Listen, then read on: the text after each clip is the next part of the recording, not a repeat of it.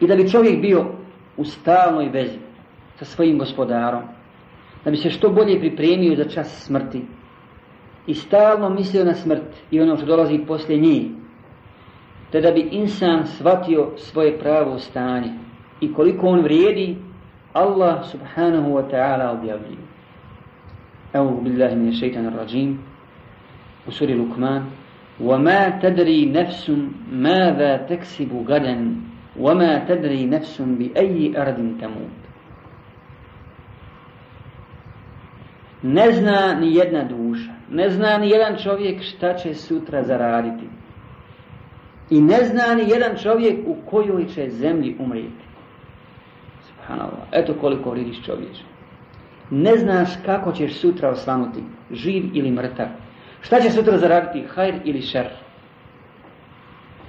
I ne zna ni jedan čovjek u kojoj će zemlji umriti. Ne samo da ne zna kada, kada će umriti, nego ne zna u kojoj će zemlji umrijeti. Ovo je veliki ibret za nas. Kaže Resul sallallahu alaihi sallam na osnovi ajeta, pet stvari niko ne zna osim gospodar svjetova, osim Allah dželašanu.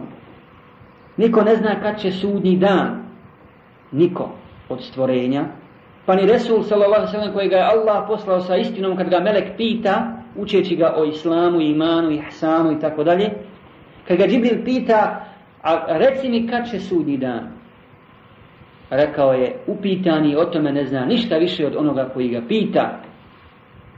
Dalje, niko ne zna, niko ne zna kad će kiša past.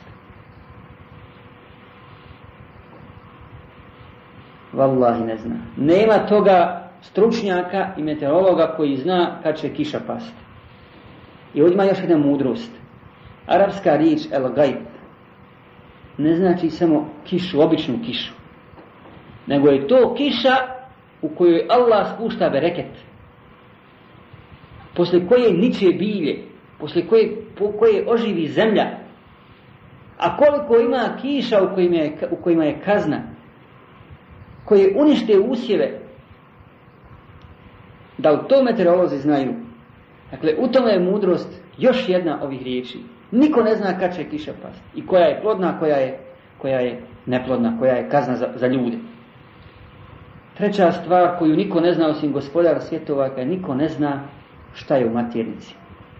Medicina je danas, kažu, dostigla svoj vrhunac u poznavanju. Međutim, ne znaju to. Wallahi, ne znaju. Niko ne zna šta je onoj živoj čeliji koja posjeti maternicu. Je li muško ili žensko? Je li sretan ili nesretan? Je li Hoće li doći do svog vakta, hoće li biti rođeno živo to djete ili neće? Ne znaju to Boga. Ni kakav će mu život biti. Ni kak, kakve će boje biti. Će li biti lijep ili ružan, ovakav ili onakav, to ne znaju. I to ne zna niko osim gospodara svjetova. Niko ne zna šta će sutra zaraditi, niko ne zna u kojoj će zemlji umrijeti. Ljudi se pomjere s tim da ne znaju ka, kad će umrijeti. Ali kaže, ja ću umrijeti, inša Allah, na svom topraku, umrijeću na svojoj državi, na svom, na svom kućnom pragu, u svojoj kući. Allah ne zna ili će umrijeti u Bosni ili u Palestini, ili u Americi, ili će na kopnu na moru, ili u saobraćaju nesreći ili u svojoj postelji.